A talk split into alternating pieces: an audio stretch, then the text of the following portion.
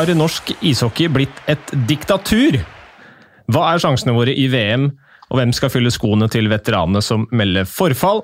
Og hva er sauna klunko?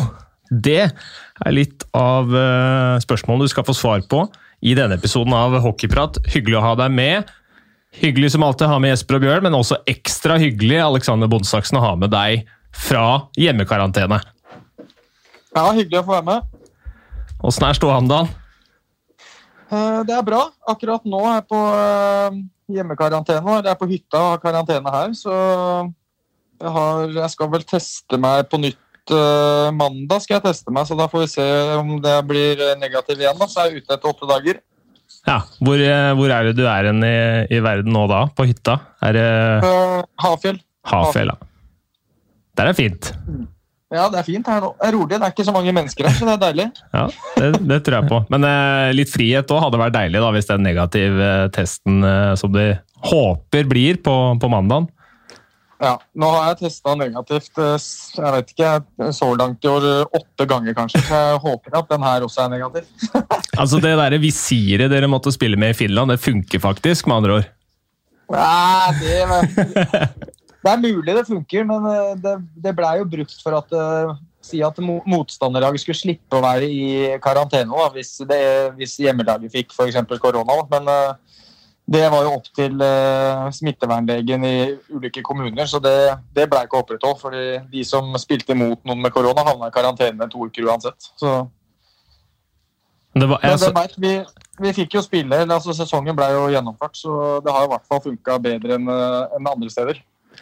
Ja, det er jo helt eh, riktig det. og Norge er jo et av landene hvor ting eh, hva skal man si, har vært eh, mest dramatisk. og Vi, vi kan jo i utgangspunktet begynne der, da, i og med at det er det som er mest aktuelt, i hvert fall hockeyen her til lands. Så er det jo Narvik-saken først og fremst. Hvor oppdatert er du der? Uh, jeg vet ikke om jeg Altså, jeg jeg er vel så oppdatert som kanskje dere via hva jeg har lest i media og sett på, på diverse sosiale medier. Men uh, for meg så virker det jo som eh, det egentlig var en ikke-sak. Men eh, Narvik uh, glemte å si fra når reglementet kom i september. da det var, og så endte det jo i det scenarioet at de skulle kjøre snittpoeng på en som uh, vinner, eller hvordan tab tabellen blir satt. Og da rykka Narvik ned, som ja, i mitt syn er helt riktig når, når det blei som det blei. Så um, for meg så var det bare unødvendig støy fra Narvik. Ja, Hva tenker du Esper? Nå har jo dommen fra ankeutvalget kommet. og den, den, ble rett og slett avvist? Ja, den ble avvist, den. Og, og de mener jo da at den hva skal jeg si, den saksbehandlingsfeilen som Narvik har fremma i sin anke, at den ikke er av en sånn karakter at, det er noe, at man kan på en måte ugyldiggjøre vedtaket fra september. Og at på en måte utfallet ville vært det samme, og dermed ikke utslagsgivende for, for behandlingen. Da, og anke avvist. Jeg tenker jo at det er uh, uh, Egentlig virker som at ankeutvalget har gjort en grundig jobb. Det var jo 47 sider, og, og de har på en måte begrunna hvorfor de har gjort de tingene de har gjort, og det, jeg syns det var ganske ryddig. Men er det ikke er det ikke litt udemokratisk egentlig at øverste organ i, i en organisasjon skal Uh, altså, det er en saksbehandlingsfeil. Man går på tvers av kampreglementet. Uh, man går på tvers av uh, lovverket da, for endring av kampreglementet. man går også på tvers av medlemmene og administrasjonen. Det er jo litt sånn diktatorstil på det, Bjørn? Er det ikke egentlig det? Hvis du aldri, uansett hvem som hadde sagt hva, så hadde du ikke tatt en annen beslutning enn det styret har gjort? Nei, det er klart altså, Nå er jo dem det øverste organet, men samtidig så tenker jeg at uansett juss eller ikke, så er jeg helt enig med, med Alexander at i forhold til hva som var forutsetningene for sesongen, det var dobbel serie. Alle inn, var innforstått med at uh, det nødvendigvis ikke betydde at du skulle ha spilt mot begge lagene hjemme og borte, eller altså de ni andre lagene hjemme og borte, men, men det var tilsvarende 18 kamper. Og, og altså igjen, Juss eller ikke, det var forutsetningene. Og så oppdager man da plutselig at fordi man har et ønske om å flytte en masse kamper for å spare penger, fordi det er dyrt å fly fra Nord-Norge, så står man plutselig med mye flere kamper også enn f.eks. da Gryner. Eh, som gjør at man får et dårligere snitt. Og i de flytta kampene så var det til og med litt eh, ekstra kamper mot, mot bedre, kall det de presumptivt beste lagene også. Som kanskje også var med å bidra til at, at snittet havna bak uh, Gryner, som gjorde at man rykker ned. Men det var klart i september. Uh, så bakgrunnen for hvorfor det ble sånn eller ikke, er i min bok litt sånn uinteressant. For da, Hvis man mente at det var feil, og man mente at man burde gjort det på en annen måte, og at det ikke var innafor reglementet osv., så, videre, så burde man tatt opp det når det ble fastsatt på høsten. Ikke etter at man skjønte at oi, her eh, rykker jo vi ned vi nå hvis ikke vi får lov til å begynne å spille ishockey igjen. Og så har det jo vært mye snakk om dette med, med hva norsk topphockey bestemte, eller hva de, hva de, ønsket. Eh, men det virker jo kanskje som at den avstemningen, eller altså deres ønske om tolv lag, er en sannhet med litt modifikasjoner. fordi etter hva vi vet, ingenting bekreftet eh, på, fra offisielt hold, men alle de alternativene som vi har snakket om, med, med både 10, 11 og 12 lag, alle de var ikke på bordet når klubbene skulle stemme, Bjørn. Nei, det var så vidt jeg har skjønt også, så var det dersom man skulle beholde Narvik på tross av at de egentlig skulle rykke ned, hva gjør vi da? At det var litt sånn der eh, klubbene eller måtte på en måte kalle stemme over eller, eller bli enige om. Ikke et alternativ med eh, Narvik opp og, og Ringerike Nei, unnskyld, Narvik ned og, og Ringerike opp. Men, men hva, hva, hvilke alternativ ønskes hvis vi skal beholde dem oppe? Hvis det er det du tenker på? Ja, riktig. Så det er vel egentlig eh, et spørsmål om om det skulle være 11 eller 12 lag som klubbene stemte for, Jesper, og ikke om det skulle bli, eh, være 10 og Narvik ned. Ja, den, i hvert fall sånn den informasjonen som vi har fått. og så var det jo det som på en måte kom fram, at det var øh, de to alternativene det var. Det var aldri et alternativ i øh, Norsk Topphockeys forslag til klubbene å sende Narvik ned. Og, og, det er noe som kanskje ikke har uh, kommet noe særlig fram eller blitt formidla på noen måte. Da. Så da når man måtte komme ut og sa at alle, eller flertallet av klubbene støtter tolv lag, så var det fordi man skulle velge mellom 11 eller 12, ikke mellom 10, 11 eller 12. Ja. Jeg hadde en lang samtale med Per Flod i går. Eh, han sier jo, han sa jeg kunne sitere ham på at eh, det dokumentet på 47 sider det er tynn suppe. Det er mye ord, men jeg syns ikke ankeutvalget egentlig har vært veldig grundige der. Eh, og så er det sånn at saken i utgangspunktet, hvis det blir en sivil rettssak her, så vil dette kunne gå langt inn i 2022. så er spørsmålet hva som skjer. da må jo eventuelt Narvik få få gjennomslag for at saken prøves og, og bli eh, værende i Fjordkraftligaen eh, kommende sesong. og Så må det komme en avgjørelse. Eh, det har vært snakk om at de kanskje skal godta nedrykket, og heller prøve seg på å få dette økonomisk kompensert. Men ja, nå har meg bekjent Narvik ennå ikke tatt stilling til hva de skal gjøre her, så vi får bare vente på vente på hva som skjer videre. Så skal vi følge den saken så tett vi kan. Men vi hopper videre til, eh, til noen som ikke behøver å bekymre seg for Nerik, og det er eh, herrelandslaget som er i gang med oppkjøring til årets VM i Latvia. Hva hva tenker vi om oppkjøringa? Det er jo noen matcher mot Sverige og Danmark som venter, eh, Jesper? Ja, det blir eh, veldig spennende å se de, eh, de matchene der. Og vi er jo så heldige at, at TV 2 skal sende tre av de matchene, så vi får sett litt hockey på skjermen også. Det, det gleder jeg meg veldig til. Og det blir spennende å se. Det er jo mange av spillerne som er med i troppen nå som ikke har spilt kamper på lang tid, så det er jo veldig veldig viktig å få utnytta de matchene her best mulig fram mot, uh, fram mot, VM. og Da er det klart at det, det kanskje ikke vi skal legge altfor mye i resultatet uh, i hver enkelt treningsmatch, men at, på en måte at folk kommer seg ordentlig i matchform. Og så er det klart at når man kanskje får med noen av de gutta som er i, i, Sverige, de som har dratt til England for å spille, at man får inn også folk som har fått spilt på et bra nivå nå, så kan forhåpentligvis kan Norge levere i VM uh, igjen. Ja.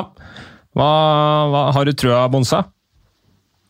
Ja, jeg har jo selvfølgelig troa. Altså, som, dere, som, Jesper er inne på, at uh, det er jo veldig mange som ikke Jeg vet ikke hvor mange som er fra Fjordkraftligaen nå på, på, dagens lag eller på VM-laget, men si halve laget eventuelt. da. Og de, de, gutta har ikke spilt kamp siden januar, så det er jo sånn uh, Det er én ting å trene og holde seg i form, men det er en annen ting å være i matchform. Med timing og, og, eh, situasjoner som oppstår på banen. Så det kommer til å være eh, et lite sjokk for de gutta nå da, når de skal spille mot eh, Sverige, som selvfølgelig er i matchform. Da, som har spillere som kommer direkte fra KL eller Sverige eller Sveits eller hvor det er. Da. Så men det blir jo førstepri egentlig for gutta. Da, å komme tilbake i matchform så fort som mulig. og Forhåpentligvis så rekker de det på Det er vel fem matcher de skal spille, eller? To Ja, mot Sverige, tre mot Danmark.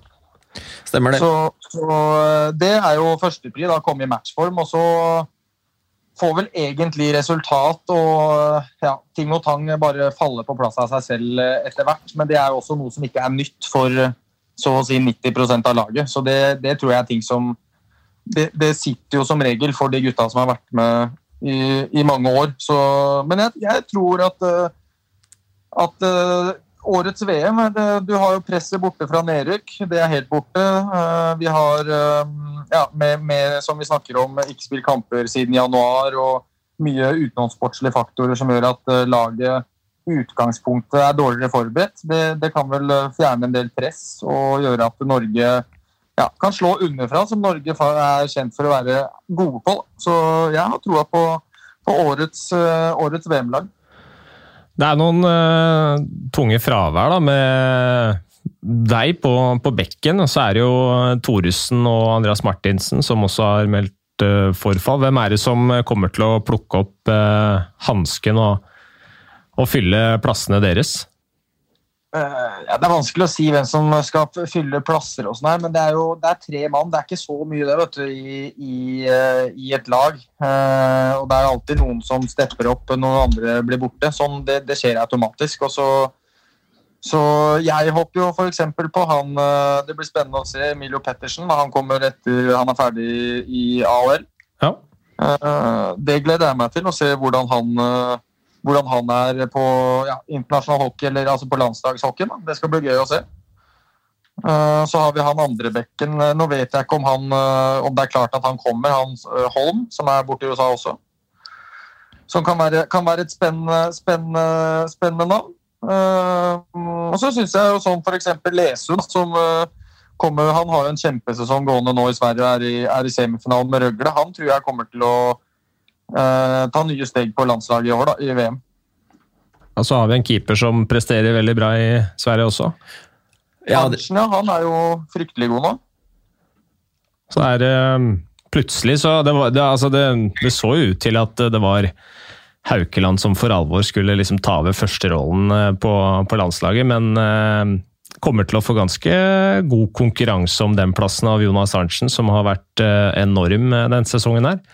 Ja, og jeg tenker jo sånn, sånn øh, Det er noe Petter skal tenke seg godt om øh, der før han velger hvem som øh, skal starte. Altså, Haukeland har jo litt mer den erfaringa, men som du sier, Arntzen har levert fryktelig bra og, og seiler kanskje opp i mine øyne som kandidat til å starte første matchen. Så er det jo mange i eh, den troppen nå, Bondesaksen, som eh, hva skal man si, kanskje for, eh, for et år siden så tenkte man at de, de ikke ville være aktuelle til en VM-tropp. Så er det mange grunner til at, til at de er med, men du har vært i, vært i situasjonen selv. Det å få være med, liksom være en, en ny spiller på landslaget, skal slå seg inn der i, i en tropp hvor det har vært uh, lite utskiftninger over lang tid. Eh, har du noen gode tips til de gutta, hvordan de skal ta, ta rollen i laget? Jeg vet ikke om jeg har noen særlig tips, men sånn, eh, altså, jeg husker når jeg kom med først, Mitt første VM var jo i Sveits. Uh, og da fikk jeg beskjed av eh, Stubben i forkant, eller Stubben og Roy, at jeg skulle være med uh, jeg, jeg skulle starte som sjuendebekk uh, utafor troppen. Og så, men så gjorde jeg det greit i de siste treningsmatchene og, og fikk eh, fikk komme inn og starte første, første matchen i VM der, og liksom da bare rulla det på. Så, så det var en sånn fin opplevelse for meg. Og så tenker jeg sånn de nye som kommer inn nå eh, det, er jo, det er jo åpne plasser på, altså på back- og forward-sida, sånn, i og med at folk ikke er med. Eh, så det gjelder jo liksom å ta sjansen, da. Eh, så vet vi jo hvordan det er på landslaget. Altså hvis, hvis de nye f.eks. ikke skulle ta nivået med en gang, så er det jo det er kun snakk om uh, i første omgang syv matcher. Så man kan gå på ganske få folk uh, i de kampene. Uh, så, men jeg, jeg håper jo at en, noen av de nye kommer inn og, og tar plass med en gang. Og, og viser at de vil, de vil være med, da. For vi trenger det i norsk hockey nå. Vi trenger noen som stepper opp og kan, kan bidra i, i mange år fremover. For det er ikke sånn at vi vi blir yngre, akkurat. Vi gutta som har vært med i mange år nå. Ja, Det tenker jeg er jo et veldig godt uh, poeng der, Bonsa. Det er liksom den, den generasjonen med, med, gutta som er født på slutten av 80-tallet og i og for seg også helt på starten av 90-tallet, begynner jo å trekke litt på, trekke litt på åra, og, og, det må komme opp folk som skal må ta, seg den, ta de rollene og være bærebjelkene i landslaget framover. Ja, og det, og det, er jo det som var kanskje Men det er jo sånn det, Hvis vi ser uh, tilbake i tid òg, så er det jo akkurat samme problemet som var når min generasjon eh, kom. Da var det jo samme gutta som hadde vært med i ti år. ikke sant? Og så plutselig så kom vi en hel gjeng som, eh, som tok plasser i løpet av noen få år. da. Så det er litt synd at det, er samme syklusen. at vi er inne på, Det er jo akkurat det samme som skjer på nytt. Med, nå er vi samme gjeng som har vært med i ti år, så nå trenger vi, trenger vi noen nye unggutter som kommer inn og, og kan, kan, være med Eh, å være stammen i laget. Da. Det skulle, skulle ønske optimale hadde vært at man hadde fått inn én spiller hvert eneste år som hadde kommet inn og tatt en plass. Det hadde jo vært det, aller beste. Um, men jeg, jeg, jeg, håper jo det er jo, Vi ser jo nå med noen altså, Spørs det jo med han, Emilio da, hvor god han blir. Hvis han fortsetter i USA, så blir ikke han så veldig mye å glede seg på, på landslaget. Hvis du ser på Mats, har vel vært med de siste ti åra én gang eller to ganger. Så for landslaget sin del så er det ikke bra at folk blir for gode. Nei, det er sant.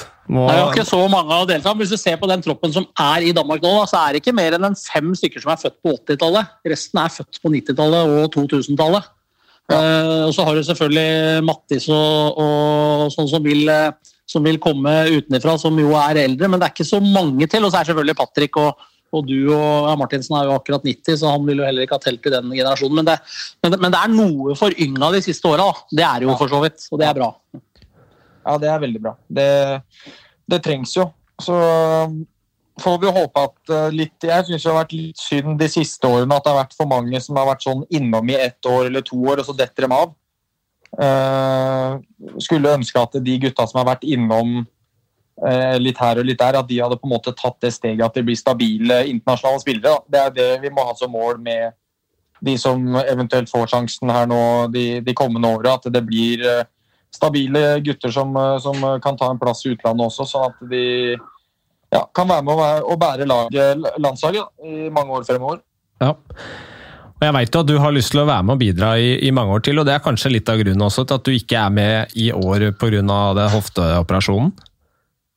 Ja, det var litt sånn nå, så måtte jeg på en måte ja, ta pust i bakken og fikse litt eh, på hoftene, sånn at jeg kan eh, holde på noen år til. Så, så um, da er jeg klar til neste sesong og forhåpentligvis Eller første beskjed var at jeg skal være klar til matchklar i september, så et OL-kval er ikke umulig. Så det, det, er jo på en måte mitt neste mål nå. er å bli frisk og, og matchklar til, til et OL-kval. Ja, og det er, det er, klart Vi håper jo at du skal være med, være med, der. Det er uh, viktig å ha med seg de som har vært med litt i, i krigen før, når det går inn i en såpass uh, viktig kval som det. Men det som jeg tror også, som det sikkert er mange som, som lurer litt på Du har jo i utgangspunktet kontrakt ett år til i, i Finland. Og så er det jo mm. sikkert mange, i hvert fall oppe på Jordal, som lurer litt på hva du tenker eh, etter det. Har du noe sånn, hva, hvordan ser du for deg de neste, neste åra? Både, med, både på, hva skal jeg si, eh, med hockeyen og hjemmebane og hele pakka rundt. da. Hva, hvordan er planene? Mm, nei, det er jo som du sier, da, så har jeg ett år uh, igjen i Finland nå. Og så skal jeg få en, uh, en kid her nå i, i, sommer, da. Så det blir jo litt annerledes liv. Men, uh, men jeg tenker jo at jeg må jo vende snuta hjemover snart. Så det er jo snart min tid å, å, komme hjem, og jeg har jo alltid sagt at jeg har lyst til å, å spille i Vålinga noen år før, uh, før jeg gir meg. Um, og jeg har, jo, altså jeg har, jo, som et mål at jeg skal vinne med Vålinga en gang til før jeg legger opp. Så det, da må jeg jo komme hjem før jeg blir for gammel. Før jeg ikke klarer å røre meg. ja, hvor, eh, hvor, mye frister å spille, spille match med fullsatt uh, Nye Jordal? Det er noe jeg har lyst til å Det er noe jeg har veldig til. Å spille for, eh, for eh, fullsatt Jordalen. Det er jo selvfølgelig Gamle-Jordal. For meg var det helt spesielt. og noe som liksom, Det var en guttedrøm å spille for fullsatt Jordal. Men nå er det på en måte det neste å få spille i en eh, ny, moderne topparena. Da, og, forhåpentligvis kunne liksom få tilbake Oslo stolthet der de hører hjemme, da, på toppen. Og kunne ha fulle, fulle tribuner og ja, kjenne på det liksom uh, klanen og alt det der. Da. Det er jo sånn guttedrøm selv om jeg er 34 år nå. ja. Det er nok mange Vålerenga-supportere som sitter med litt gåsehud nå og bare gleder seg til å se Bondsaksen returnerer eh, til Vålerenga. Men eh, det, apropos unge. Eh, vi har jo en nybakt tobarnsfar i, i studio her. Jesper har jo fått, fått barn nummer to. Og jeg veit han kanskje har noen synspunkter om Eller kanskje har noen tips hvordan du kan forberede deg til liksom, den prosessen som er i vente. Da. For Jesper har vært igjennom noen tunge, tunge døgn nå, har du ikke det, Jesper? det var eh, Jeg sa, sa, her eh, før i dag da jeg snakka med Jonas eh, Bonsa, at du må sørge for å få et sånn derre Når du skal inn på fødestua der, så må du sørge for å få et rom som har to senger. For det er, det er, det er slitsomt å skulle være der, og så bare må du liksom den lille søvnen du får, skal være i en sånn stol som står ved siden av den fødesenga. Så må du sørge for å få, få inn den ekstra sengen der. Ja, det, Åssen var det nå med sånn der Fikk du være der Eh, etterpå og sånn, eller bare inn til aktiv fødsel og ut igjen? Nei, det var inn til, inn til aktiv fødsel også, men, eh, men, fikk være med opp på barsel og være der så lenge vi på en måte var på, var på rommet for oss sjæl. Så fikk være, være, der til vi dro hjem. Ja, ok, det er ålreit. Du kan si det til Silje, da, Monsa, at eh, den fødselen er ingenting kontra det å sove i stol. Da. Det, går ikke med de hoftene her, så jeg får faktisk hårseng. ja, det er bra. Uh, skal vi se hva vi har her. Vi har jo vært uh, Uh, ja, disse hoftene dine, da. Det, det, er, det er litt bra historie bak det òg, er det ikke det? Når den først røyk i sluttspillet um, første året du vant med Tappara, var det ikke det? At den, det var noen som ikke helt trodde på at den skaden var så ille? Ja, var, det året så var det jo i jeg husker ikke, februar, januar-februar så, så, hadde jeg liksom noen problemer med lysken. og sånn, så tok jeg noen MR-bilder. og så, Det var ikke lysken, det var liksom en liten skade på hofta. da, så var det greit. Uh, fikk, jeg fikk jo egentlig bare beskjed om av treneren at du spiller til du ryker. Uh, og så fikser vi det etter sesongen. Så det var ikke noe sånn, For meg så var det egentlig en no-brainer, for jeg, jeg, visste vi hadde sjanse til å vinne. Så jeg tenkte ikke noe over at altså, Det var jeg jo enig i, det hadde jeg jo tenkt å gjøre, selv om han selv om han sa det, så hadde jeg jo allerede på en måte gjort meg opp en mening om det. Men, uh, og så gikk jo liksom serien, og så var det sluttspillet. Og så når vi kom til uh, Skal vi se, når vi kom til semifinalen Det var vel 20, det var siste semifinalen, var det. Så skulle jeg gå på en altså var det på en måte en kamp førstemann til pucken på en sånn icing, og så, så ramla jeg, og så liksom reiste jeg meg opp.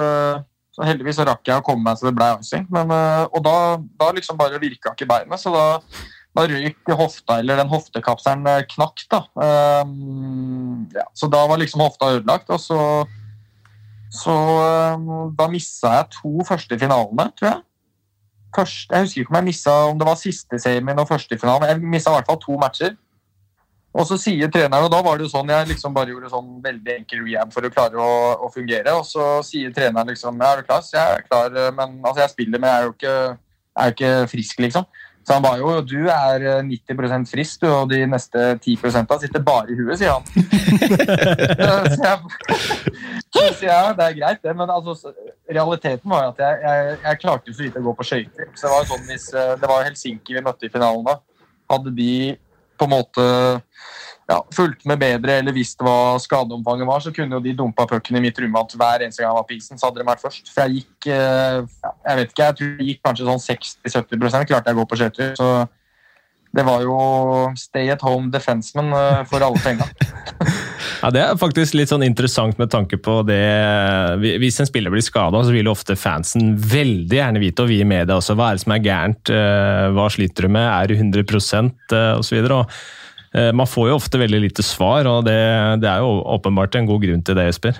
Ja, absolutt. Og, så er det jo sånn at det er mange som spiller med, med, både skader og skavanker eh, her og der, og det gjelder jo på en måte å ikke gi ut for mye informasjon om det. og sånn, Spesielt sånn som i NHL, så er det jo alltid sånn der uh, upper body injury, lower body injury. Det er liksom, de sier jo ingenting om omfanget av det, bortsett fra hvis du er ute for sesongen. Da er det sånn der uh, Ja, nei, han spiller ikke mer i år. Så det er jo, det, og det er jo for ikke gi, eh, litt som Bonstad sier her, da. Hvis du veit at uh, han bekken ikke kan uh, Eller kan knapt nok gå på skøyter uh, og ikke skal inn i rundvante, så da vil du ut, hva skal jeg si, utnytte det hver gang, da. Men du har spilt med, med skade før du òg, Bonsa. Du fikk vel en smell mot Tyskland for noen år siden? jeg tenker på når jeg brakk kjeven. Ja. Ja, det var jo i, i Tyskland. Altså var det, jeg fikk eh, Eller en fyr som skulle dumpe pucken, og så, så skjøt han slagskuddet liksom rett i ansiktet på meg. Da. Så da gikk jeg ned for telling og, og brakk kjeven. Så det var jo ikke så, var ikke så veldig behagelig. Det er faktisk kanskje det vondeste jeg har hatt, tror jeg. Uh, for det var sånn akutt vondt med en gang, så jeg ikke klarte å klarte ikke å prate. Men det var jo òg fordi kjeven uh, var litt skeiv. Men uh, men eh, ja, jeg, jeg, fullførte jo matchen, da. Så det var jo eh, Jeg kom i boksen, eller gikk til boksen etter jeg plukka opp køllene, og, sånn, og så satt jeg liksom bare sånn og, og mm, jeg vet ikke, jeg stønna eller hva man skal kalle det. og Så, klarte, så ba legen meg lukke munnen, så klarte jeg ikke å lukke munnen. og Så prøvde jeg en gang til, og så liksom poppa CV-en på plass. og Da klarte jeg å bruke munnen normalt. Så tenkte jeg at det her var jo topp, så var det ikke så farlig. og så spilte jeg ferdig matchen, og så jeg kom til andre periode og tredje, så jeg hovna opp så jævlig. Så jeg, jeg sleit med å åpne munnen, så jeg sleit med å prate på isen. Og da skjønte jeg at det her var jo At det sikkert var brekt, da. Jeg eh, burde jo kanskje skjønt det av et slagskudd òg, men eh, jeg, altså jeg mista ikke en tann eller fikk ikke kutt, så det var liksom litt rart. Eh, så det var veldig flaks, da. Men det var jo liksom kjevebeinet gikk liksom tvers av under øret. Så det var vel bare at når den gikk på plass, så, så var det ikke vondt. Og da liksom fungerte så, men så opererte, det var jo her var før, to måneder før OL, så opererte jeg inn en, en, plate da, eh, to dager etterpå, sånn at uh, jeg uh, ble klar fort. Altså, jeg mista vel en, jeg tror jeg var borte én uke, mista en seriekamp. Så det var, var ikke så gærent. Nei, det var ikke så ille, det. Fikk du noen fine bilder òg? Ja, jeg fikk noen kule bilder. Det var sykt. Eh, en, altså det ene jeg har sånn maske på fra sykehuset, det var faktisk eh, altså jeg ser ut som en Star Wars-figur, men det var sykt deilig. For den, den, maska var konstant 18 eh, grader. Jeg skulle ikke hovne opp i, i ansiktet, for da kan du skade nerver og sånn og sånn i, i, i ansiktet. Da. Så da, da satt jeg jo med den maska hele tida, så det var faktisk Det var veldig deilig, faktisk. Ja, det tror jeg på. Har du noen gang sånn eh, hva skal jeg si, etter skade tenkt sånn Fader, i dag burde jeg kanskje ikke ha spilt? Uh, ja, eller jeg, jeg, pleier ikke å angre på så mye jeg gjør. altså sånn det, jeg vet jo at det ikke er smart, men jeg gjør det jo for det. Fordi at uh, jeg vil spille og jeg vil Hvis jeg tror jeg kan hjelpe laget, så gjør jeg det. Altså sånn uh, Jeg vet ikke, jeg klarer ikke å dy meg. da, på en måte. Det er sånn Hvis jeg tror, hvis jeg, tror jeg kan hjelpe laget, og laget vil uh, ha hjelp, så spiller jeg. Altså sånn det er jo kanskje ikke det beste med alle tilfeller. altså sånn som Med den kjeven så burde jeg selvfølgelig gått av isen med en gang. Det jo, kunne jo gått mye verre hvis jeg hadde fått en ny smell, f.eks. Um, eller altså, det er sånn Alle hockeyspillere gjennom en lang karriere eller alle idrett spiller jo skada uh, ofte. altså det er jo sånn Jeg kan ikke huske sist jeg hadde én sesong uten at jeg har spilt med en eller annen form uh, for skade. Men, uh, men det er litt sånn uh, kanskje med sånn som med hoftegreiene. da, Hvis jeg ikke pusha det så hardt Vi endte opp med å vinne, så i mine øyne så var det jo selvfølgelig verdt det. Men hvis jeg hadde kanskje stoppa spillet oppi rett tidligere, så hadde det vært et mindre skadeomfang. Kanskje ikke operere hofta på nytt. Men jeg angrer ikke noe på det. Det gjør jeg ikke. Så jeg har ikke jeg har egentlig aldri tenkt det at jeg skulle aldri ha spilt den matchen. eller de, sånn. det, det har jeg aldri tenkt. Nei, Det skjønner jeg godt òg. Og det å liksom kunne få de titlene i Finland og, og måten du liksom har, eh, har, spilt deg opp eh, i klubbene du har vært i etter at du forlot Vålerenga sist, det er jo ingenting annet enn ekstremt imponerende, Bjørn, det Bondsaksen har, har fått til i Europa. Nei, absolutt ikke. Jeg har jo, på tross av en veldig oppofrende spillestil også, alltid 100 Eh, og da gått glipp av såpass lite at man først må, må operere nå for å, for å, rette på skroget. Det sier litt om, eh, om, hvor flink eh, du antageligvis har vært til å trene og holde kroppen ved like. Det er jo derfor mange hockeyspillere kan holde på over så utrolig lang tid og levere på så høyt nivå som det Alexander har gjort eh, hele veien, nettopp fordi man er i fysisk stand hele tida til å kunne håndtere det. Så det er, det er imponerende. Han kunne holde på på et så høyt nivå over så lang tid, og er sikkert ikke ferdig på fire, fem, seks, sju år til hvis han får holde seg skadefri. Det er kanskje målet òg? Ja, målet mitt er helt klart å, å fortsette noen år til. Altså, det er som, som, Bjørn er inne på, da. så lenge kroppen holder, så, så altså, I hvert fall som står her nå, så har jeg lyst til å spille så lenge det går. Så, men det er jo litt sånn uh, å, å, spille eller å, å holde på lenge òg, så er det jo å håndtere og spille med skader og det mener jo jeg er en, det er jo en ferdighet. Det er jo, fordi De fleste spiller jo, må spille med skader. Hvis ikke så er man, mister man store deler av sesonger hele tida. Da får du jo selvfølgelig ikke kontrakter. Um, så det er jo noe jeg sånn, Hvis jeg skal liksom tenke på min karriere, sånn, så er det en del av karrieren jeg er litt, altså på en måte litt stolt av. Hvordan jeg har håndtert å prestere med ulike, ulike skader. Um, det, men det hører jo med til idretten, da. Det, det gjør det. Og så er det jo mange som er veldig glad for at du i hvert fall ble frisk til det OL-et i 2018. Der da ble det jo mildt sagt eh, toneangivende til slutt, for å si det sånn. Er det et av høydepunktene dine, eller? Ja, det, jo, det der var jo sinnssykt gøy, da. Eh, å være med på liksom den reisa, eller sånn, altså sånn hele, hele, reisa vi har hatt med landslaget de ti årene jeg har vært med, da, og så vi liksom, fikk vi skape historie og gå til en kvartfinale da, på, den, på overtid. Og, Satt du ikke utvist. Eh, rett i forkant òg? Jo, jeg, det var jo, jeg burde jo vært syndebukk, fordi jeg tok jo en ganske dum uh, utvisning rett før tredje periode var slutt, tror jeg. Så vi starta vel overtime i undertall. Uh, hvis jeg husker riktig. Og han Mursak, eller hva han heter, han var vel ganske god hele den matchen og burde jo kanskje avgjort til fordel Slovenia tidligere i matchen. Eh, for det var jo egentlig ikke noe toppmatch eh, av oss, men eh, så ja, takke hockeyguden for det, at ikke de avgjorde i det powerplayet, og at hadde, det var flyt. At det, var gøy å kunne liksom skåre etter jeg egentlig burde vært syndebukk, kanskje. Ja. Du har jo fått vært med på mye annet moro med landslaget òg? Ja, det har vært uh, mange kule år. Altså, sånn, uh, vi har jo selvfølgelig vi har jo de kvartfinalene, og alle husker vel når vi var i, i Stockholms, første Stockholms-VM der når uh, vi gikk til kvartfinale og Patrick hadde jeg vet ikke hva han mente på, 16-17 poeng. eller Han leda jo poengligaen i VM der helt til Malkin eller noe slo når han spilte to kamper mer. Ja. Så det har jo vært sånn, altså det har vært noen syke opplevelser med landslaget i og med at sånn, vi er jo alltid og vil alltid være underdogger. Um, men det har vært eh, veldig kult å være med og være med på den liksom, storhetstida til landslaget. Da. Det har vært, eh, det vært eh, dritkult, rett og slett. Det er jo på, på, disse landslagene så hører vi alltid om liksom noen sånne radarpar eller små grupper hvor, hvor noen liksom alltid har holdt sammen, delt rom osv. Hvem, har hvem har vært din gjeng på, på landslaget? Eh, det har vært altså, sånn eh, Romkamerat så har det alltid vært eh, Mats da, når han har vært med. altså Det var kanskje mer yngre landslag, og så de få gangene han har vært med på A-landslaget. Men ellers har jeg vært roommate med en annen Mats, Roselli. Ja. Um, så vi har holdt bra sammen på Han er en fin romkamerat å ha. Uh, ellers er det jo sånne grupp, grupperinger. altså Vi har jo fellesrommet da, som vi prøver å være liksom alle sammen men selvfølgelig er det jo ulike grupperinger i, i, i et lag. Men uh, det blir jo ganske naturlig da, med, med oss uh, som er ganske jevngamle. Holøs, Røymark, uh, liksom 87-86-gutta. Ja. men det er, det, er, jo det jeg syns har vært kulest med landslaget. er jo sånn, selvfølgelig altså, så er det jo dritkult å komme til kvartfinale og, og spille bra, men det kuleste med landslaget er faktisk å være på guttetur. Det er, jo, det som er det kuleste.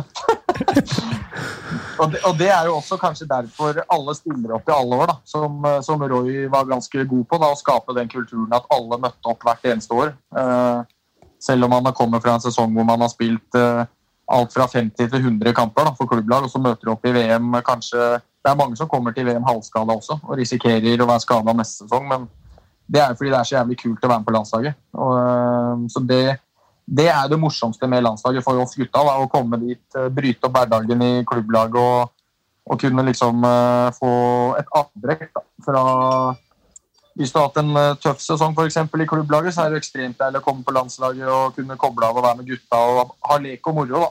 Um, og så er det jo mer seriøst selvfølgelig når man, når man skal spille VM. da.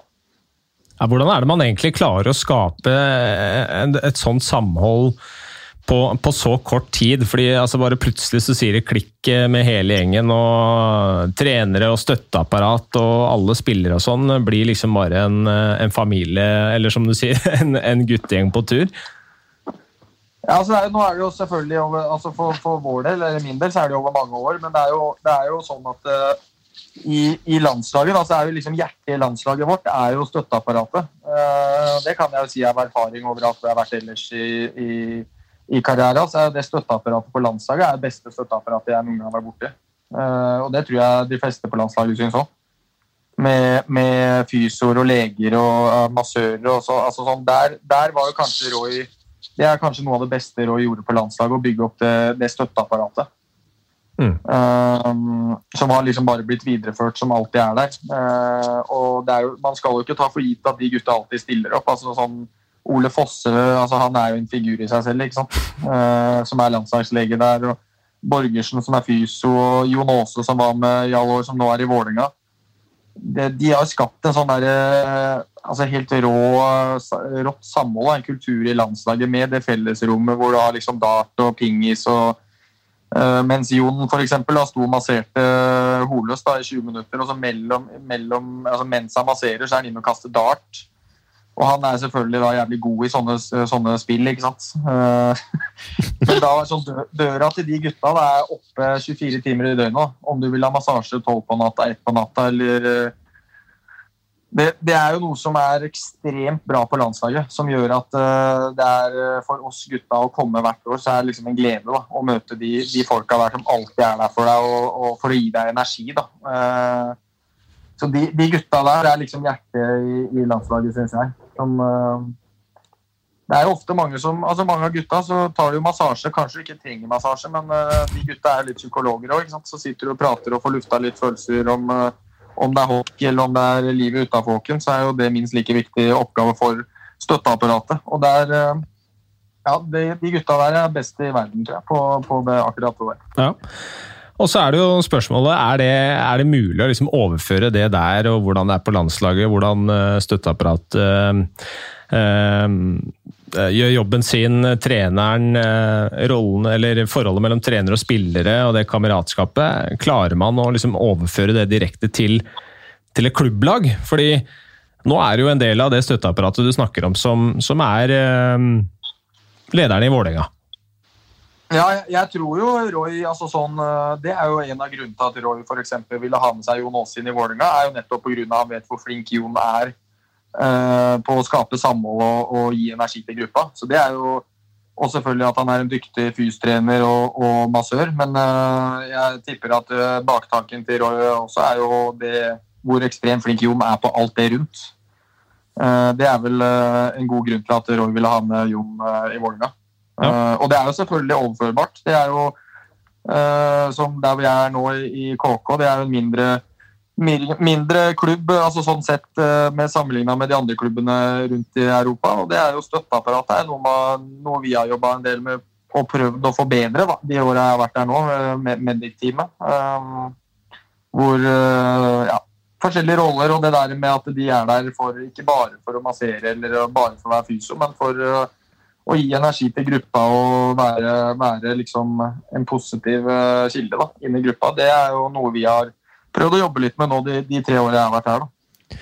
Men tenk liksom, eh, det med, Hvis du tar det med liksom, si, kulturen i Finland der, da, Dette du sier liksom, med å bygge laget rundt, eller altså, kulturen rundt laget, eh, støtteapparatet, hele den greia. Og altså, jeg husker jo sånn, da du, Det må ha vært en ganske sånn stor overgang der. Du, du, du var jo i, i, i, Sverige, så kom du hjem til Vålinga og så dro du jo eh, Det var vel omtrent sånn midt i sesongen der, var det ikke det? Eh, det var i november. Ja, og så dro til, og dro til Tappara der. Hvordan var liksom den, den overgangen? Og liksom ble det, Følte du at det var liksom kultursjokk eh, der?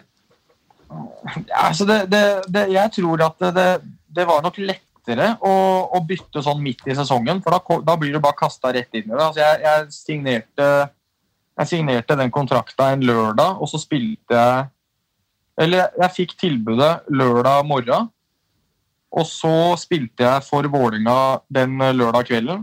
Um, og så signerte jeg kontrakta på en måte etter matchen og sa fra til kjære og sånn og sånn. Og, så, og til gutta. Og så fløy jeg søndag, kom dit ett på natta, trente mandag med laget, og så spilte jeg match tirsdag.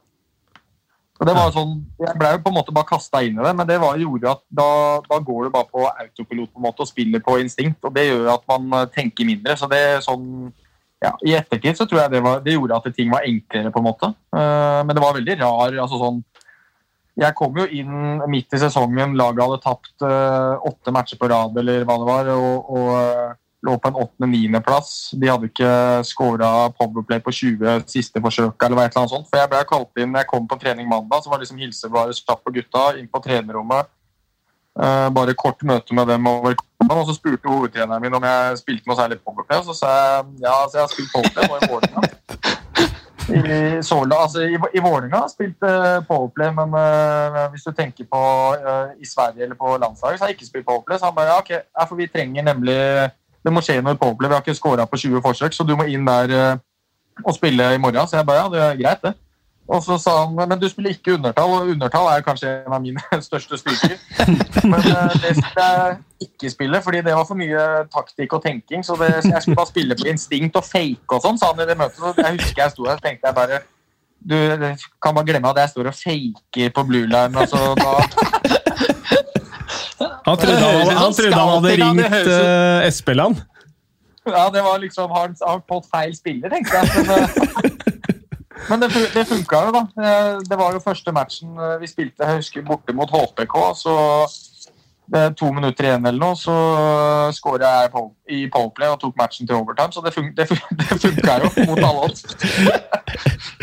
det høres ikke ut som scoutinga var 100 Det hørtes litt sånn som norske klubber på 80-tallet når de henta nordamerikanere. det ja, det hørtes litt, det var litt sånn rart, men samtidig så hadde jeg jo ikke statsa til å backe opp at jeg skulle være der i Powerplay heller. Men uh, det var vel mer bare for å prøve å kaste om litt og få ja, et nytt ansikt. De, de, visste jo Jeg spilte, spilte vel Powerplay tre, tre, matcher, og så var det tilbake til hverdagen og spille det, eller gjøre den rollen jeg kan, da, og hvorfor jeg var der. Så det var ikke noe De visste det, men det var jo ja, Det var litt sånn gambling av treneren sikkert, men det funka jo. Ja, for, altså, og det er jo litt sånn, for liksom, Du kommer jo fra Uh, som du sier, fra Sverige, fra Sverige, der i Røgle var med opprykket. Uh, hadde den, uh, da den fulle sesongen i SHL, og så, og så var du tilbake igjen til Vålerenga. Og så var jo da, altså, Hvordan oppsto da liksom den kontakten med, med, Tappara da? Det er jo liksom mange som sikkert tenkte at sånn, ja, nå er Bonsaksen er tilbake i Norge, nå må man på en måte liksom jobbe seg, jobbe seg ut igjen. Det er jo ikke den tradisjonelle veien å gå til Finland, liksom. Nei, det var jo altså sånn jeg kom hjem eh, Det var jo sånn jeg dro fra Røgle. så var jo det når vi rykka ned, da, så, så, fikk jeg spørsmål om jeg ville bli, men da måtte jeg gå ned 50% i lønn, og så sa jeg at det, det er ikke aktuelt. Og så, og så, ble det klart at jeg ikke skulle bli der. Um, og så venta jeg jo hele sommeren, for jeg fikk jo han, jeg hadde en svensk agent på den tida. Han sa hele tida til meg at ja, du, du, jeg har vært i bransjen lenge, du får tilbud, du kommer til å få det her, sånn og sånn. Du havner i Eliteserien. Uh, altså alt det pratet der, da, så skjedde jo ingenting. Uh, han, agenten takka nei på vegne av meg til uh, klubb i Østerrike, Tyskland, og så tenkte jeg er vel noe, altså, Han skulle jo spurt meg, det kunne hende jeg hadde lyst til å gjøre det. men han mente han var så sikker på at jeg skulle få nytt tilbud i Eliteserien, men det kom jo selvfølgelig ikke. og så Da hadde, endte det med at jeg signerte vel ja, to-tre seriekamper inn i, i, sesongen det året for Vålerenga. Um, men jeg var jo veldig klar på at eh, jeg skulle kunne dra når jeg ville. Altså selvfølgelig gratis, da. Mm. Som jeg hadde en klausul at jeg kunne dra når jeg ville. Det var, liksom, det var jo en av hovedtingene jeg ville ha i kontrakta. Eh, for jeg hadde jo som mål å komme meg ut igjen, for jeg visste at jo lenger jeg blir, jo vanskeligere blir det å komme ut igjen. Så jeg ville jo liksom ut, og det var jo planen. Men det var jo etter år én. For da jeg hørte ingenting fra noe folk. Så da da sa jeg opp han agenten, og så fikk jeg en, en telefon av eh, Lasse Kukkonen, en finsk eh, Han har akkurat lagt opp nå, men han har spilt mange år på landslaget i Finland. og Jeg spilte med han i Røgle når jeg var i Eliteserien. Eh, Så han ringte meg år to i Vålinga der og lurte på om For de hadde starta et nytt agentfirma. Så lurte han på om jeg hadde lyst til å ta sjansen på det firmaet. Så sa jeg ja, selvfølgelig, jeg har ikke noe å tape, så det, hvorfor ikke? Så da, da var jeg første spilleren til det, til det, til det nye agentfirmaet. Og han eh, agenten min, eh, så han er fortsatt agenten min nå, han, eh, han var fra Tampere og hadde veldig god kontakt med Tappara, selvfølgelig. da. Så han ja, jeg signerte jo med de, eller det agenturet tidlig den sesongen, og så kom jo det her på bordet i november, da, at Tappara trengte en bekk og ville ha sånn og sånn. Så da sa jeg bare Jeg sa bare eh, ja. Uh, altså Jeg spurte ikke hva lønna var engang, første gang uh, når han ringte meg om det. Da sa jeg bare at ja, den sjansen tar jeg, for jeg har lyst til å dra ut igjen. Ja. Det er jo Så, um, Det er jo litt sånn mentalitet her i Norge at eh, så fort en spiller som har liksom reist ut tidlig, kommer litt tilbake, så er liksom ah, nå kommer han eh, hjem igjen med halen mellom beina. Følte du litt på det selv, eller var det å komme tilbake til Vålerenga eh, noe som hjalp deg veldig mye? Nei, altså Jeg følte på det før jeg begynte å spille. for Jeg var litt sånn der, eh, jeg vet jo at eh, det er ikke så veldig ofte at folk kommer seg ut igjen når du først har dratt hjem. Eh, Så jeg var litt sånn der at jeg ville ikke gi opp. Så jeg var Jeg ville liksom bli ute. Det var jo målet mitt. Og så var jeg redd for å signere i Vålerenga, fordi da er på en måte da tror folk at jeg har gitt opp. Altså sånn andre klubber i, i Europa eller hvor det måtte være. da. Ja. Um, men det var også en av grunnene til at jeg var, var liksom knallhard på at måtte, jeg måtte kunne dra når jeg ville. Det skulle være på en måte offisielt at jeg kan dra når jeg vil, så folk veit det. Jeg husker jeg sa til den svenske agenten min du må si til alle klubber at jeg kan dra når jeg vil. Uh, så da er dette bare positivt. Jeg er i matchform, bla, bla, bla. ikke sant? Istedenfor å bare sitte på gjerdet og vente, da, som, som noen gjør. Uh, men jeg tenkte ikke noe over det sånn uh, etter at jeg hadde signert. Altså, den, jeg hadde ikke noe følelse av at jeg har mislykkes uh, med utenlandsoppholdet mitt. At jeg kom hjem igjen på en måte med halen mellom beina. fordi jeg vet ikke, Det kan jo hende jeg hadde følt det hvis jeg aldri hadde kommet meg ut. Men jeg, jeg hadde jo liksom ett mål, og det var jo å komme meg ut på nytt. da. Så jeg, jeg, jeg vet ikke. Jeg var, men jeg var, jeg var jo redd for det med altså jeg, tenkte jo på at jeg var redd for at jeg ikke skulle få sjansen på å dra ut igjen når jeg signerte i Vålerenga. Jeg hadde liksom en formening oppi hodet mitt at jeg fortsatt Eller jeg, hadde den følelsen at jeg veit at jeg er god nok til å spille ute. Så jeg vil bare ut igjen. Ja. på en måte Men det, men det året der, jeg bare, for da, da kommer, det, det drar meg litt inn på et av de eh, hva skal jeg si, eh, spørsmåla eller uh, historiene det er bare fått inn her. da. Så tenkte jeg sånn, Husker du hva du fikk til Secret Santa det året i Vålerenga der? Ja, det var trygg, det. Ja, det, var det? var trygg. Det var noe Je Jesus eh, Det var et sånt speil. Det var et sånt speil du kunne brette, altså, ha på veggen, eh, akkurat som en sånn der eh, dartskivecover. Så når du bretter det opp, og så var det et speil, og så hadde han da eh, Han hadde klistra på et bilde av Jesus på speilet. Uh, fordi gutta drev og kødda jeg vet ikke, drev og kødda at Jesus var til, eller frelseren var tilbake og sånn. Det jeg husker jeg, husker jeg Trygg hadde, Han hadde lagd en kontrakt som lå i sida på den døra da, til det speilet. Så det en, var det en kontrakt uh, i, i Detroit, tror jeg. Uh, at jeg liksom hadde signert til Detroit Red Wings, og så sto det at uh, jeg fikk så så mye penger for å, å shippe ut pucken via glasset. Ja, fin. Det er faktisk kanskje beste Secret Santa-gaven jeg har fått opp gjennom karrieren min. Ja, den er sterk.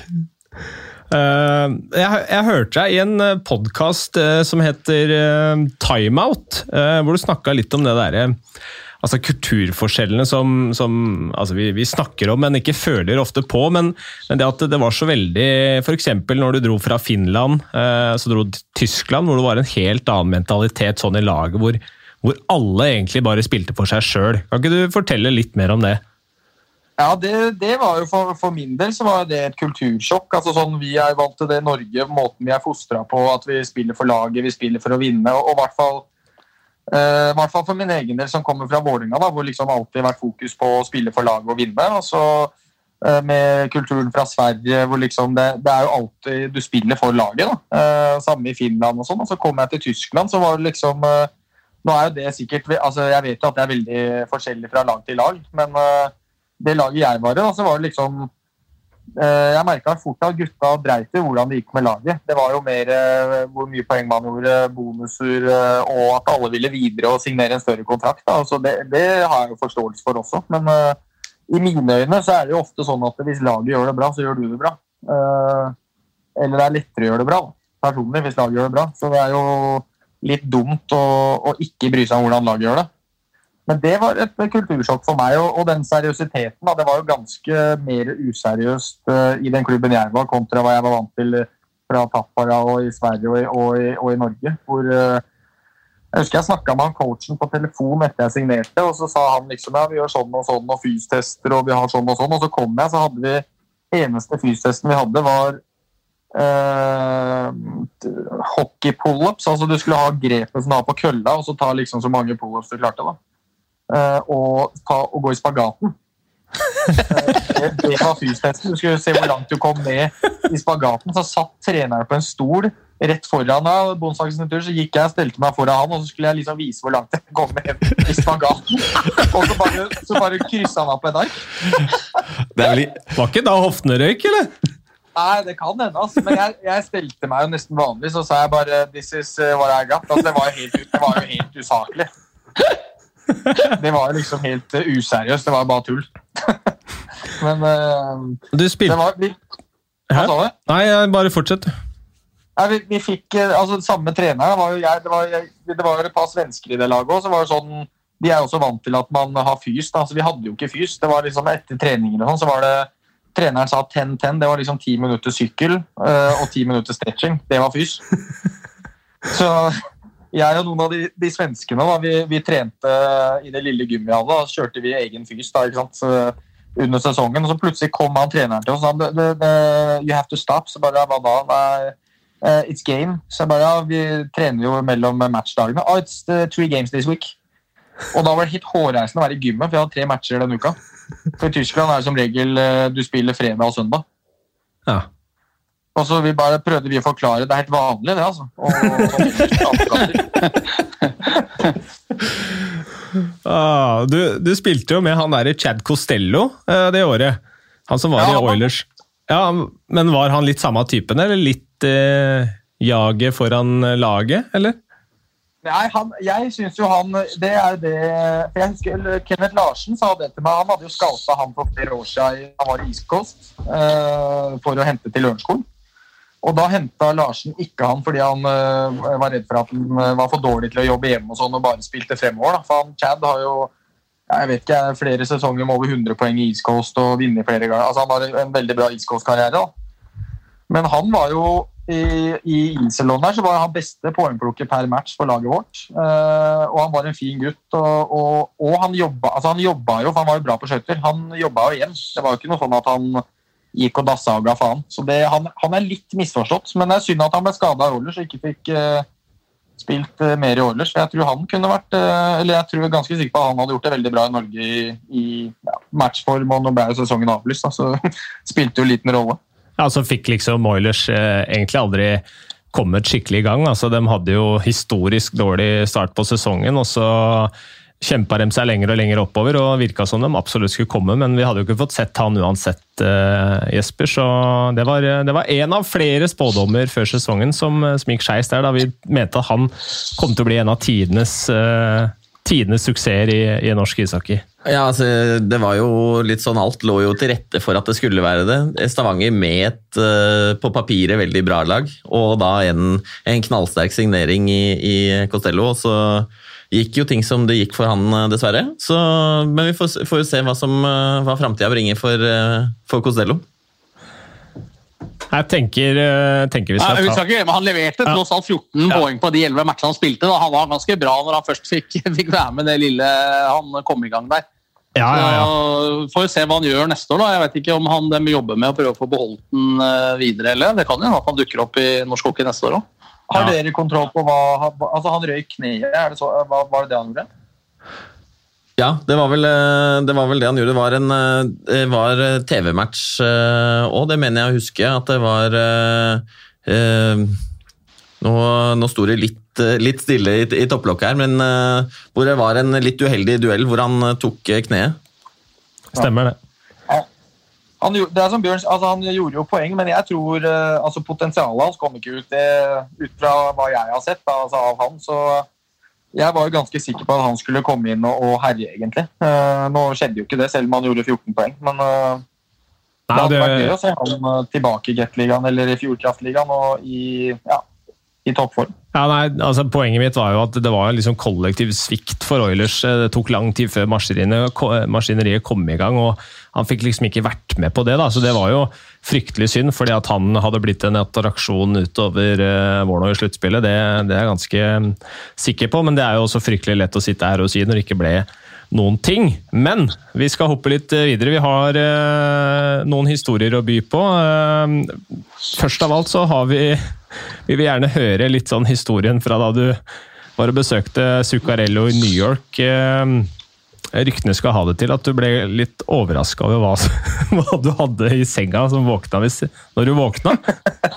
Ja, jeg, det, var første, det var første gangen jeg besøkte Mats eh, i eh, New York. Eh, Det var jo under en Altså før jeg kom meg til New York, altså det var jo en, under en VM-oppkjøring. Tidlig VM-oppkjøring.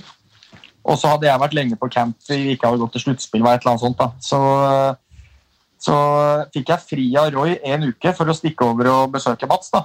fra campen, for det var før mange av gutta kom og sånn på camp. Da. Så, men det som var morsomt, var at Roy var, han mente at jeg skulle på is i New York. Så han ringte jo, for det var jo sånn, jeg snakka med Mats om at du, nå må du snakke med Roy så jeg får det gå bra. ikke sant? Og da, da avtalte Roy med Mats at Mats skulle ordne is til meg i treningsrinken til Rangers. Og, fordi, og, og, og, Roy mente at jeg kunne gå på is med de spillerne som ikke spilte matcher og sånn. Og det, er, altså, det, hadde jo, det hadde jo aldri skjedd. De hadde aldri tatt inn en eller annen gjøk fra Norge. som bare- bare kapteiner. Men jeg pakka bagen til jorda på øh, den, den dagen, og så tok jeg med meg bagen. Eh, Og jeg lata som at jeg dro til, til New York med hockeybag, men jeg lå igjen i bilen.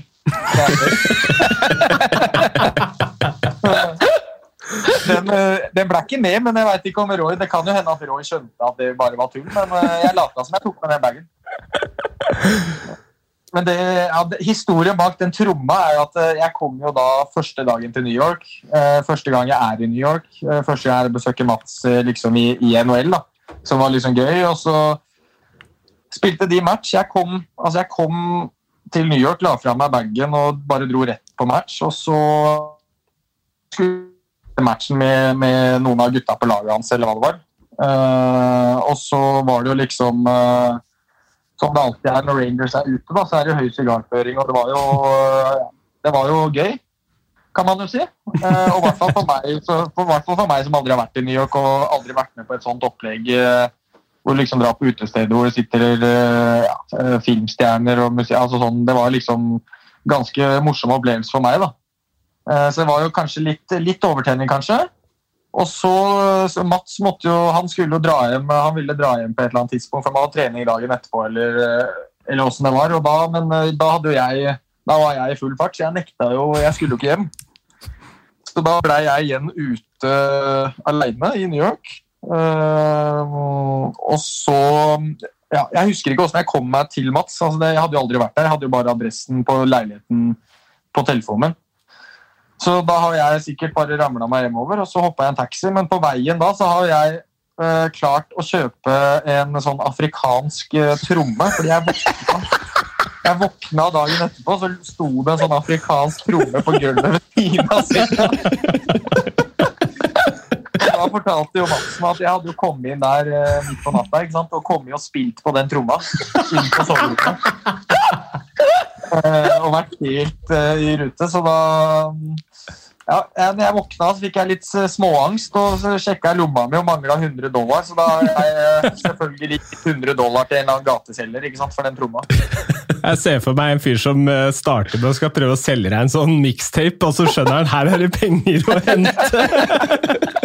Ja. Jeg, jeg, jeg gikk fem på, jeg. Ja, det tror jeg faktisk er podkasten som var beste story. Altså, det skal du ha for. Ja, det, Så det var mitt møte med New så det var gøy. ja, det er sterkt. Uh, også til, uh, til spørsmålet som jeg, som jeg stilte helt til innledninga her. Vi har fått eh, et bidrag til episoden fra Vilmos Gallo, som har spilt med deg i Kokko. Eh, som sier at finnene hadde et sånt, eh, en sånn badstuelek som, som du var glad i, og, og at vi må spørre deg hva sauna klunko er for noe. Jeg, det, jeg veit ikke om jeg er glad i det, men eh, jeg har vært med på en, jeg tror jeg har vært med på en, ja, kanskje to ganger i løpet av de seks åra i Finland. Men eh, det er jo altså, det er ikke noe tvil om at finnene er glad i badstue. Eh, og det er ofte sånn at vi har eh, Hvis vi har lagfest, da, så ender det alltid opp med at det er badstue. Enten så leier man en badstue der man har lagfest, eller så i år leide vi jo badstuestedet som lå på ved liksom eh, innsjøen eh, for å ha lagfest. Eh, Og så har vi jo selvfølgelig badstue i garderoben. Men, og da når det er liksom lagfest med de finnene, så er det jo i, I år hadde vi jo en spiller da, som var veldig glad i det her sauna klonko, og for øvrig han ene assistenttreneren syntes det var gøy. Så da sauna, sauna klonko går ut på at sitter, da sitter du inne i badstuen, full badstue, og så kan man jo da bevege seg under benken der man sitter da, eh, i en badstue. Og da skal man sitte i den badstuen, og og så tror jeg de, de synger en eller annen sånn der saunasang eller et eller annet eh, for å, for å starte, og så driver han gjøken under da, og, og krabber under den benken. og så Alle sitter jo da selvfølgelig nakne i badstuen. Og så er det om å gjøre å finne ut hvem altså Når han er under, han kan stikke fingeren opp gjennom strekket på benken. Så, så da er det om å gjøre å ikke reagere hvis eh, du får en finger som eh, treffer eh, et ubehagelig sted. Så, så man skal, det er om å gjøre å holde maska, da. for da skal man gjette hvem som, hvem som har liksom blitt tatt. Da. Så, og hvis du blir gjetta riktig på, så må du under benken, og da må du liksom krabbe under benken. Ja, da er spørsmålet om ble du noen gang eh, ja, stikke, og, hvordan var reaksjonen? Jeg kan røpe at eh, jeg blei stikke en gang, men eh, ja, Måtte ikke er under? Jeg vet ikke om det er bra eller dårlig, men jeg holdt maska i hvert fall. Ah, det er bra. det er bra. Har vi noen flere innspill? Espen, Jesper, Ja. det ser ut som du har noe. Jo da, det er, eh, jeg har jo fått inn det her er jo ikke, hadde jo ikke noe verken med badstue eller, eh, eller hockey å gjøre, sånn sett. Jeg fikk inn en, eh, fikk inn en liten fra, fra sameiet ditt, Bonsa. Og Ja, ja, ja. Og som, som da ikke sant? For det var jo da når VM ble avlyst og sånn i fjor, så var det jo Så hørte jeg at, at du bidro litt i sameiet der. Eh, At du viste fram litt eh, snekkerkunnskaper og sånn. Stemmer? Hvordan var det med det? Uh, ja, kanskje. Det er mulig. At det var at det ble snekra en platting i, i bakgården der? Og at det var Ja, jeg har vært, jeg har, jeg har vært med og lagd platting. Ja, og at det er jo At det var en At det var, var, var enkelte av naboene som var veldig fornøyde med det på åpninga av plattingen. Stemmer det, eller var det Eh, noen som var fornøyde eller misfornøyde? Jeg er fornøyd, fornøyd med deg. At det er, eh, at du var, at det er god eh, Hva skal jeg si? At Fikk de- du lønn for strevet? Nei, altså, jeg- det- den plattingen er jo bygd, men altså, nå skal vi jo hvis sannheten skal frem, så, så, så snekra ikke jeg så mye. Men uh, eh, han styrelederen er jo naboen min, og han, han, han var initiativtaker til den plattinga her. Og så eh, måtte jo noen starte, så sa jeg at jeg kan starte, for vi måtte grave ut først. da, Grave bort gressplenen. Så da jeg starta bare å grave, ja, så jeg gravde ut uh, en del. da. Ehm, så det var egentlig mitt bidrag til den forplantinga, at jeg gravde. Ja, det er bra. Det er, var, for vi hadde, fikk liksom innspill her på at du hadde, at du hadde vært sterk på snekringa. Men da er det godt at sannheten kommer fram her. Ja, jeg, jeg eh, er ikke noe sterk på snekring, det skal jeg innrømme. Men jeg, jeg gravde, da, så jeg tok et krafttak og fikk opp den plenen, sånn at uh, plattingen kunne bli bygd. Det, det var jeg med på. Men det var jo for øvrig noen i samarbeidet som var misfornøyd med den plattinga. Men det, det vet jo han som har sendt inn spørsmålet, for han, var, han eh, er en av de fornøyde. Men det var noen som mente at den plattinga ikke hørte hjemme i en eldre bygård og ditt og datten, så det var ganske mye dramaskrik om det i etterkant. Men alle andre utenom det ene, en leiligheten er fornøyd med den planleggingen. Ja, men det er bra. Det er bra. Eh, Vi har fått uh, Tobbe Lindstrøm av. Vil gjerne høre hva, forklare hva en bonsabot er. Uh, en bonsabot uh, Har du en type bot som er oppkalt etter deg? Eller er vi Jo, det her er når jeg kom hjem Det her er Det her er vel fra Jo, det er når jeg kom hjem fra Sverige. Når eh, det er eh, Jeg har ikke noe bot, for den bota eksisterer ikke. Men eh, det mente noen av gutta. Det var for når du går og sklir rundt på isen før treninga starter, f.eks. Så prat, kunne jeg prate med Espen eller altså sånn når man går rundt og dasser på isen. Så det, den Bonsa-bota var at man prata for mye med treneren, tror jeg. Ja, Vi fikk jo se litt fra, fra en rettssak i nye sesongen av Iskrigerne, nå, hvor Gunnarsson fikk eh, fem lapper for å booke tannlegetime i tre, treningstida. Ja, det syns jeg var stiv pris. Ja, det var det er en av de høyeste bøtene jeg har hørt om. i hvert fall. Men, det er jo, men hva tror du om uh, nye sesongen med Iskrigerne? Har du fått med deg de første episodene? Ja, jeg har fulgt med. jeg. Jeg gleder meg. Så jeg, det, eller, jeg tror jo at det blir bra.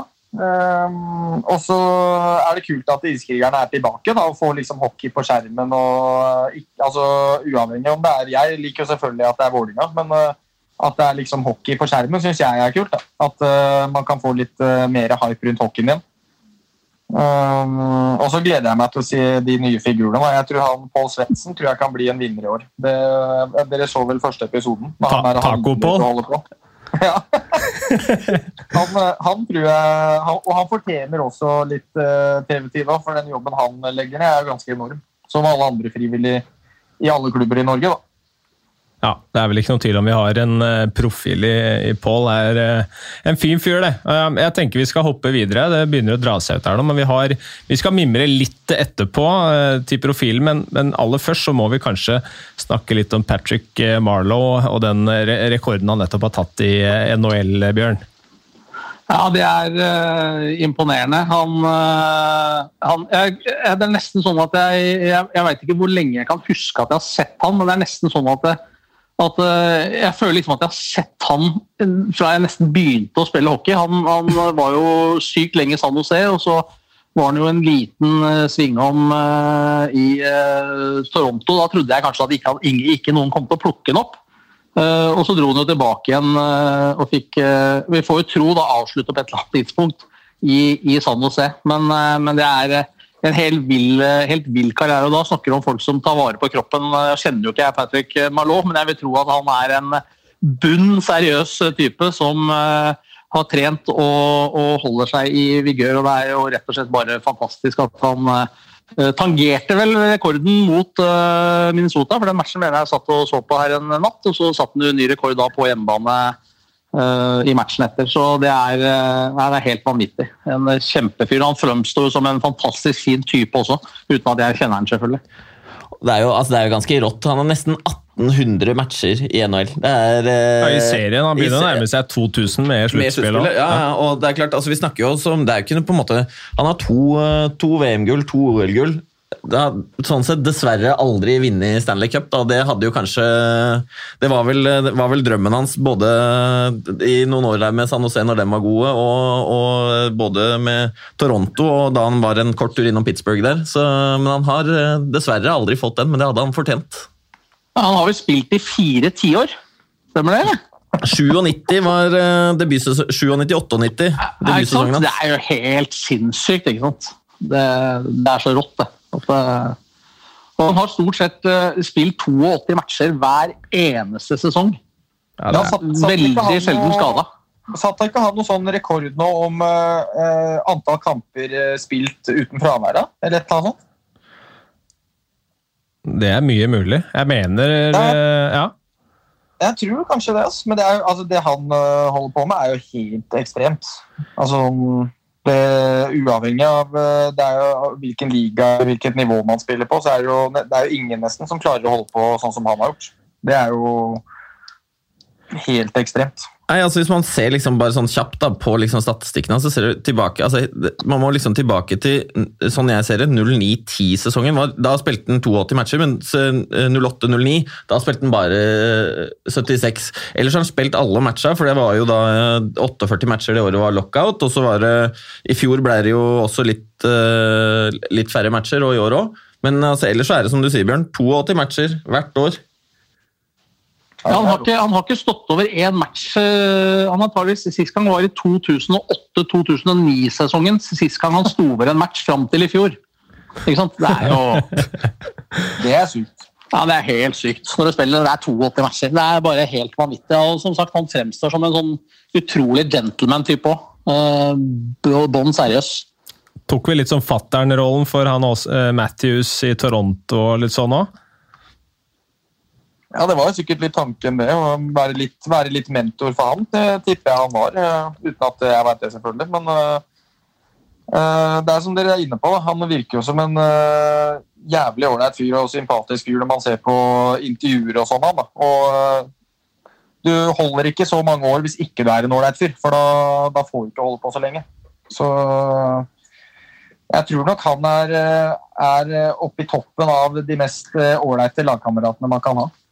Ja. Han framstår litt sånn Steve Iceman-type. Også en sånn veldig gentleman i min bok. En veldig sånn flott fyr. Uh, sånn framstår Malot også. Dette, er jo, dette er jo klikken til Bjørn nå, ikke sant? er jo direktelinje til Icerman og hele gjengen, er ikke det, Bjørn? Hva sa du nå? Hva sa du nå? Har ikke du Icerman, eh, har ikke du nummeret hans og snakker ofte med han? Har han på speeddialen? Men eh, en annen fyr da, som, som de fleste uh, har uh, egentlig bare positive ord om, uh, som i dag har blitt kjent med at legger skøyter på hylla, Christian Larivé. En æra over på, på Hamar, Jesper. Ja, og altså, Larvé har jo vært en fantastisk spiller i, i, mange år. og Jeg husker Eh, første året han kom, 06-07-sesongen, var eh, Da var han jo Altså, det var, det var liksom Han bar virkelig det Storhamar-laget eh, på ryggen. altså Tok jo dem til finalen. Da spilte vel vi mot dem i finalen, Bonsa. Og mm. han fikk vel MVP-en i sluttspillet selv om Vålerenga vant. Og Det var, har jo vært ganske vanlig at den går til en spiller på det vinnende laget, men han hadde vel 32 poeng det, det sluttspillet. Og fullt fortjent eh, MVP, så han og han har jo levert år etter år, og dessverre hatt noe skadeplager uh, i, i, noen av sesongene, men uh, virkelig en av de importene som har satt mest preg på norsk hockey. Ja, jeg, han, altså jeg husker han fra de, de første årene mine på A-laget. Altså, altså, han var jo det, han var en sånn spiller som var liksom sånn Han er dritgod. Uh, som, som, alle lag måtte se opp for når han var på isen. liksom. Det er sånn, Du går alltid gjennom spillere uh, for, altså taktikk og analyser, og du går gjennom hva du møter. og Han var en spiller jeg måtte følge med på, for han var jo altså, han var en av de beste i hele ligaen. Så han har jo vært med og farga norske ligaen da, i, i, i, mange, mange år. Så um, det er jo altså, det er bare å takke for hans bidrag til norsk hockey, egentlig. Mm. Ja, han kommer vel neppe til å flytte derfra heller. Han, går, han, har vel blitt på Hamar for å si, bosatt seg der for å bli der, han etter hva skjønt. Så der får jo uansett Storhamar en, antageligvis en kjemperessursperson i, i, ja, på en eller annen trenerjobb i yngres avdeling, eller eventuelt også seinere på seniornivå, vil jeg tro. Hva husker vi best ja, da fra, fra Larivé, Bjørn? Uh, jeg husker jo den sesongen uh, som dere har vært inne på nå, når han var her første gangen. hvor Han hadde 32 poeng, og det var vel noe eller Jeg vet ikke om det er det enda, men er det fortsatt playoff-rekord, uh, eller? Jeg tror det. Uten at jeg har sjekka det opp, så mener jeg at det stemmer. Ja, for det, det vet jeg. Jeg lurer på om det kanskje er, eh, det, kanskje er det. Eh, så jeg husker, jo, jeg husker, jo, den sesongen veldig, veldig, bra, for da kom jo han til Norge fra, fra East og Så ble han jo bare én sesong, så tenkte jeg at han bruker bare Norge som, som springbrett. og Så dro han vel eh, noen sesonger til Danmark og, og til Sverige, men så, så, kom han jo tilbake igjen. og Da husker jeg liksom vi tenkte at åh, nå i år blir Storhamar gode igjen, for nå er han, eller gode igjen, for nå er Larivé tilbake igjen. og og Han leverte jo han, og ikke minst den andre sesongen hans, så hadde han jo over eh, to poeng i snitt der på de 23 matchene han spilte. Så, eh, men også, også, en veldig fin type, og så er det morsomt at han uh, lærte seg norsk og, og lot oss intervjue på norsk. og Han også framstår som en Han er jo den er talismanen de kaller han på, på Hamar. Ja, det er vel det, og det med god grunn nå. Jeg husker også sluttspillet var vel finalen i 2015 Eh, da Storhamar eh, nesten klarte å, å ta det fra, fra, Stavanger. Og også Champions Hockey League det, den påfølgende høsten også, hvor Storhamar ja, overraska vel så å si hele hockey-Europa der, Esper? Ja, det var, eh, var, helt rått det, hvordan de eh, både kom seg videre i sluttspillet og eh, altså fra gruppespillet og i sluttspillet. og Det var jo Det var, ble litt CL-feber på både i, hva skal jeg si, i, i norsk hockeymiljø og ikke minst på Hamar. Ja, det er um, Fjordkraftligaen blir litt fattigere uten Christian Larives. Får vi se hvem som uh, hvem som skal fylle skoene hans, det blir ingen enkel oppgave, selv om han har hatt noen litt tyngre sesonger nå. Eh, må si det, Han fikk klemt inn fire goller, og da fikk han også passert 200 skåringer i Storhamar-drakta. Jeg, jeg, sitter med en liten følelse at hvis han hadde stått på 199 nå, så tror jeg fader meg han hadde tatt en sesong til, eller i hvert fall noen matcher bare for å få, få satt, uh, satt en skåring ekstra. Det lurer jeg på, altså. Eh, før vi runder av her, eh, Bondsaksen, så har vi fått et siste spørsmål. Det er Kasper Wikestad, faktisk, som, eh, som vil gjerne ha en, en, liten sånn recap på en slåsskamp du hadde med Trond Magnussen for ganske mange år siden. Da hadde du vel kasta gitteret for et kvarter siden, skriver han her? Uh, ja, det stemmer det. det var, jeg var vel 18 år, eller? Ja, 2006, så skal vi se. Ja, 18-19 år. Ja, det var uh, jeg husker det, faktisk. Det var uh, da, det var litt sånn tobelt, eller ikke tobelt, men det var uh, jeg, Han kjørte jo over da backpartneren min, Lars-Erik Lund, da, som var beste bekken på laget. Uh, eller Han takla han i ryggen så han ble liggende og ble skada. Så da var jo Jeg liksom reagerte jo bare på at da måtte jeg stå opp for stjerna på laget. Da. Så jeg hoppa jo på Trond Magnussen med en gang. og så er jo jeg sånn i ettertid takknemlig for at ikke han banka meg opp, for det hadde jo klart. en eh, sånn spjæling på 18 år hadde han klart å banke opp. Eh, men eh, han holdt meg bare, egentlig. Så jeg, det var jo mer jeg som veiva og prøvde å slå. Men det var jo mer kanskje en signaleffekt, da, at sånn gjør man ikke. og Det er jo litt sånn hockey, hockeyen er. Så var vel kanskje mer det jeg var ute etter, en signaleffekt. Og så prøve å vise meg fram. da, Ville opp og fram i Vålerenga. Så det var jo Eh, på en måte det, Men så var det morsomt eh, rett etter fighten, så blir jo sendt i garderoben og får matchstraff og alt det der. Og så står jeg ved siden av eh, like ved ismaskinen der og ser på tredje periode, eller hvor lenge det var igjen av kampen. og så så kommer Skjær og skjeller meg ut for at jeg kunne ødelagt vi taper og undertale i fem minutter og kunne kasta bort matchen. Uh, det, vi, vi leda med en del mål, husker jeg, så det var liksom ikke noe fare for det. Eh, men, og da husker jeg eh, Myggen, Stig, eh, Stig Johansen, kom og kjørte over Skjær, for han hørte at han kjefta på meg. da. Og, og, Myggen bare kjørte over Skjær at han var helt idiot, og dette skjønte han ingenting av, fordi det her var jo bare bra sånn og sånn. Og så, så kjørte han over Skjær og sa at det er klart ikke du skjønner det. Rødkål som satt og åpna døra hele livet, det skjønner du ingenting av.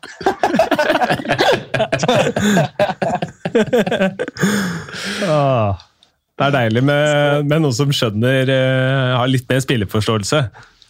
Ja, så da ble jeg fornøyd. Jeg, der, for jeg, jo, altså jeg, var jo 18 år og første fulle sesongen, så jeg er ikke sånn når, når liksom sjefen står og kjefter på deg, så jeg er ikke drithøy i hatten. Men jeg mente jo, når han sa det, så mente jo jeg at jeg gjorde det riktige. Så Um, og det syns jo i hvert fall gutta uh, og trenere, så da spiller det ikke noen rolle at Kjær fylte seg opp litt. Men uh, det, var morsomt, det, var morsomt. Ja. Rødkål, det er Jeg fant uh, faktisk en artikkel på nrk.no her, publisert 30.10.2006.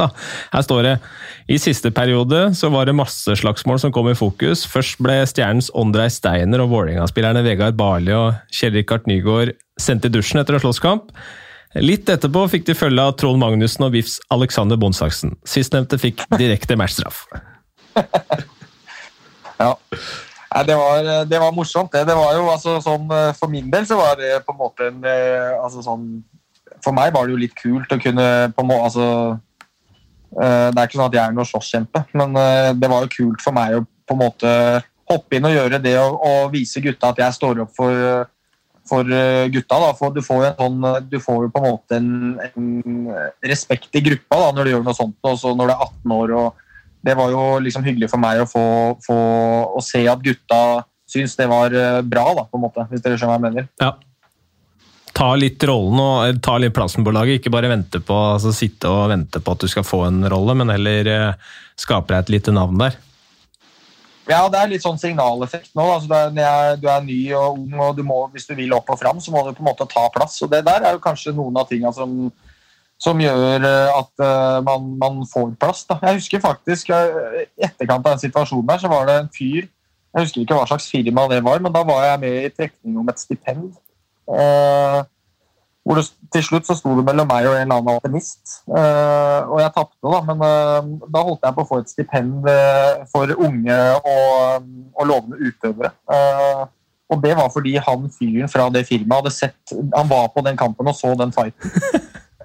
og, og, og, likte det at signalet At jeg liksom vil opp og fram og var en en eh, ja, som ga alt for å nå liksom, eh, drømmen. Da. Så da, det var jo, det, og det gjorde at jeg holdt på få jeg tror det var 100 000 kroner i stipend.